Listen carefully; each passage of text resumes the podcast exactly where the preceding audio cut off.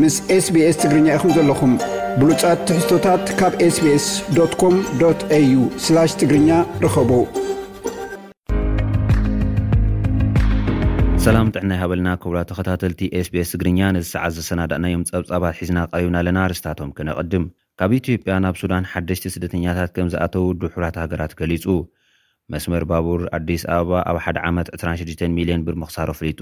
ኢትዮጵያ ናብ ዕስራ ዝጽግዑ ሰብ ሙያ ሚድያ ከምዝኣሰረት ኮሚሽን ሰብኣዊ መሰላት ኢትዮጵያ ገሊጹ። ኣብ ኤርትራ ብውሕዱ ዓሰርተ ሸውዓተ ኣመንቲ ወንጌላውያን ኣብያተ ክርስትያናት ተኣሲሮም ተባሂሉ። ኣብ ኣስመራ ሕጽረት መሰረታዊ ቀረባት ከምዘሎ ተሓቢሩ። ኣርእስታት ዜና ክትከታተሉ ጸኒሕኩም ክቡራት ሰማዕቲ ናብ ዝርዝራቶም ክንሓልፍ። ሎም ቅነ ሓደሽቲ ስደተኛታት ኢትዮጵያ ናብ ሱዳን ከም ዝኣተዉ ውድብ ሕቡራት ሃገራት ኣፍሊጡ። ካብቶም ሓደ ሽሕን ሓደ ሚእትን ሰብዓን ዝኾኑ ሓደሽቲ ስደተኛታት እቶም ሓደ ሽሕን ሓደ ሚእትን ሰላሳን ዝኾኑ ካብ ቤንሻንጉል ጉሙዝ ናብ ግዝኣት ሱዳን ብሉ ናይል ክሰግሩ እንከለዉ እቶም ኣርብዓ ዝኾኑ ድማ ካብ ክልል ኣምሓራ ናብ ገዳሪፍ ሱዳን ዝኣተዉ ከም ዝኾኑ ገሊጹ ኣሎ። ሱዳን፣ ካብ ኲናት ትግራይ ምውልዑ ንደሓር ናብ ኣስታት ሰብዓ ሽሕ ዝጽግዑ ስደተኛታት ኢትዮጵያ ትናቢ ከምዘላ ዝፍለጥ'ዩ። መስመር ባቡር ኣዲስ ኣበባ ኣብ ሓደ ዓመት ዕስራን ሽዱሽተን ሚልዮን ብር ምኽሳሩ ኣፍሊጡ። ካብ ኣርባዕተ ኣንፈት ከተማ ኣዲስ ኣበባ ህዝቢ ዘመላልስ ቀሊል መስመር ባቡር ኣብ ውሽጢ ሓደ ዓመት ዕስራን ሽዱሽተን ሚልዮን ብር ክሳራ ከምዘጋጠሞ ሰበስልጣን እቲ ትካል ገሊጾም ኣለዉ።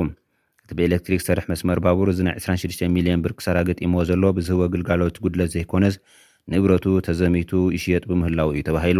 ብመሰረት በዓል መዚ ኤለክትሪክ ናይታ ሃገር ዘውጽኦ መግለጺ ብውሕዱ ዓሰርተ ሽዱሽተ ሜትሮ ዝንውሓቱ ገመዳት ኤለክትሪክን መእሰርቲ ልምዓትን ተሰሪቑ ንክሳራ ከምዝዳራጉ ሓቢሩ ኣሎ። እቲ ካብ እዋን ናብ እዋን እናገደደ ዝመጽእ ዘሎ ስርቂ ንብረት መስመራት ባቡር ንግልጋሎት መጓዓዝያ ብሕሱም ጸልይዎ ምህላዉ ሰብ መዚ ሓቢሮም ኣለዉ። ነቲ ትካል ኣብ ውሽጢ ሓደ ዓመት ሰላሳን ሸውዓተን ግዜ ከም ዝተሰርቀ ዝገልጽ ምምሕዳር ከተማ ኣዲስ ኣበባ ተወሳኺ ሓለዋ ኣዋፊሩ እኳ እንተኾነ ኣብ ልዕሊ ግልጋሎት በዓል መዚ ኤለክትሪክ ዝግበር ስርቂ ግን ክሳብ ሕጂ ክዕገት ከም ዘይከኣለ'ዩ ሓቢሩ ዘሎ።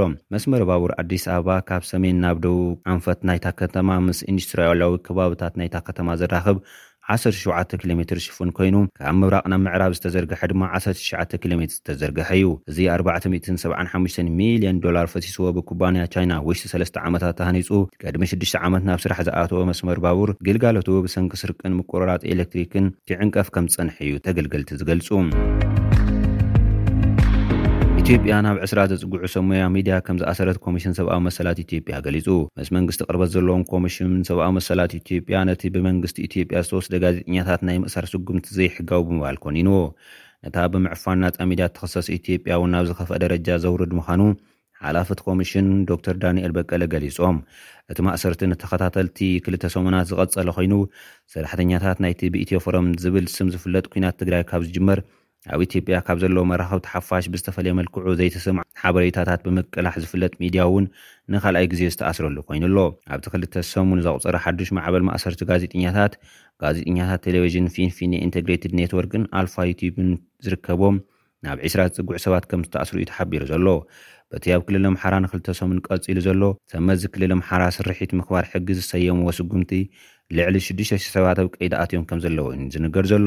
እዚ ጃምላዊ ማእሰርቲ ጋዜጠኛታት ኣብቲ ዝሓለፈ ሰሙን ዝተጀመረ ኮይኑ፣ ምስቲ ሰብ መዚ እታ ሃገር ኣብ ክልል ኣምሓራ ምኽባር ሕጊ ዝብልዎን ብኣሽሓት ዝቑጸሩ ሰባት ኣብ ትሕቲ ቀይዲ ዝኣተውሉን ስጉምቲ ኣብ ተመሳሳሊ እዋን እዩ ዝካየድ ዘሎ። መንግስቲ ኢትዮጵያ፣ ንጋዜጠኛታት እናኣሰረ ናይ ቅርሕንቲ ዘረባ ብምዝርጋሕ ዝፍለጡ ምስኡ ቅርበት ዘለዎም ሰባትን ትካላትን ብስቕታ ምሕላፉ ካብቲ ኣልማሚት ማእሰርቲ ጋዜጠኛታት ተወሳኺ ዝንቀፍ ዘሎ ጉዳይ ኮይኑ ኣሎ። ኣብ ኤርትራ ብውሕዱ ዓሰርተ ሸውዓተ ኣመንቲ ወንጌላውያን ኣብያተ ክርስትያናት ከም እተኣስሩ ተገሊጹ። እቶም ኣመንቲ ኣብ ሓደ ቦታ መንፈሳዊ ኣኸባ እናካየዱ እንከለዉ እዮም ብኣባላት ጸጥታ ኣብ ቀይዲ ኣትዮም ክብል ቢቢሲ ሓቢሩ ኣሎ። ናብቲ ካብ ርእሰ ከተማ ኣስመራ ውጽእ ኢሉ ዝርከብ ቤት ማእሰርቲ ማይስርዋ ከም እተወስዱ እውን ገሊጹ። እቲ ቤት ማእሰርቲ ብዙሓት ኣባላት ናይተን ዝተኣገዳ ኣብያተ ክርስትያናት ክእሰርሉ ዝጸንሑ'ዩ ተባሂሉ። መንግስቲ ኤርትራ ኣብ ክልተ ሽሕን ክልተን ብዙሓት ወንጌላውያን ኣብያተ ክርስትያን ድሕሪ ምዕጻወን ንዝበዝሑ ካብ መራሕትን ብዘይ ፍርዲ ብምእሳር ንሰዓብተን ከሳድድ ከም ዝጸንሐ'ዩ ዝግለጽ። ክሳብ ሕጂ ንኣስታት ዕስራ ዓመታት ብዘይ ፍርዲ ዝተኣስሩ ከም ዘለዉ ይሕበር'ውን። እቶም እሱራት ፍሉጣት ሓኻይም ዝነበሩ ኣቕሽቲ ኦርቶዶክሳዊት ቤተ ክርስትያን'ውን ከም ዝርከቦምን'ዩ ተገሊጹ ዘሎ። ኣብ ኣስመራ ሕጽረት መሰረታዊ ቀረባት ከም ዘሎ ተገሊጹ። ኣብ ርእሰ ከተማ ኣስመራ ሕጽረት መሰረታዊ ቀረባት ከም ዘለዎ ኣብታ ሃገር ዑደት ዘካየደ ጋዜጠኛ መጽሔት ዘ ኢኮኖሚስት ጸብጺቡ።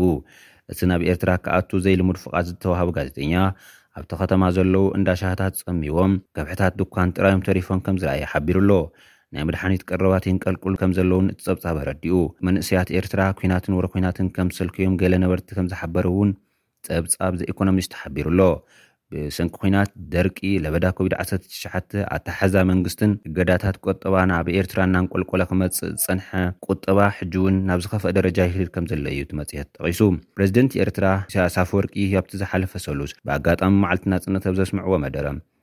ንውሽጣዊ ቀጻሊ ምንቅስቓስ ናይታ ሃገርን ምቅላል ሕሰም መነባብሮ ዜጋታትን ዝፈትሕ ዝኾነ መብርሂ ከምዘይሃቡ ዝዝከር'ዩ።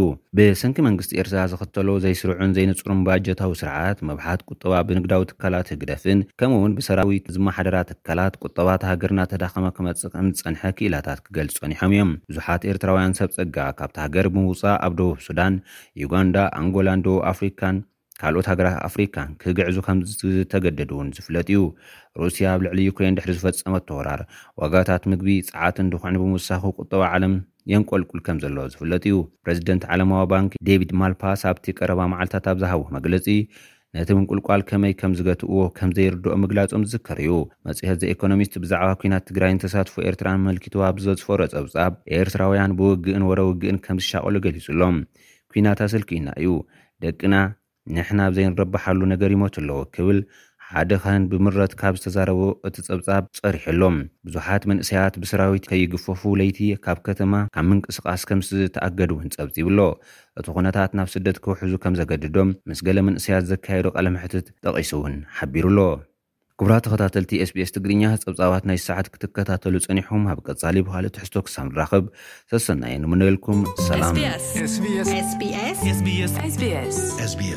SBS Radio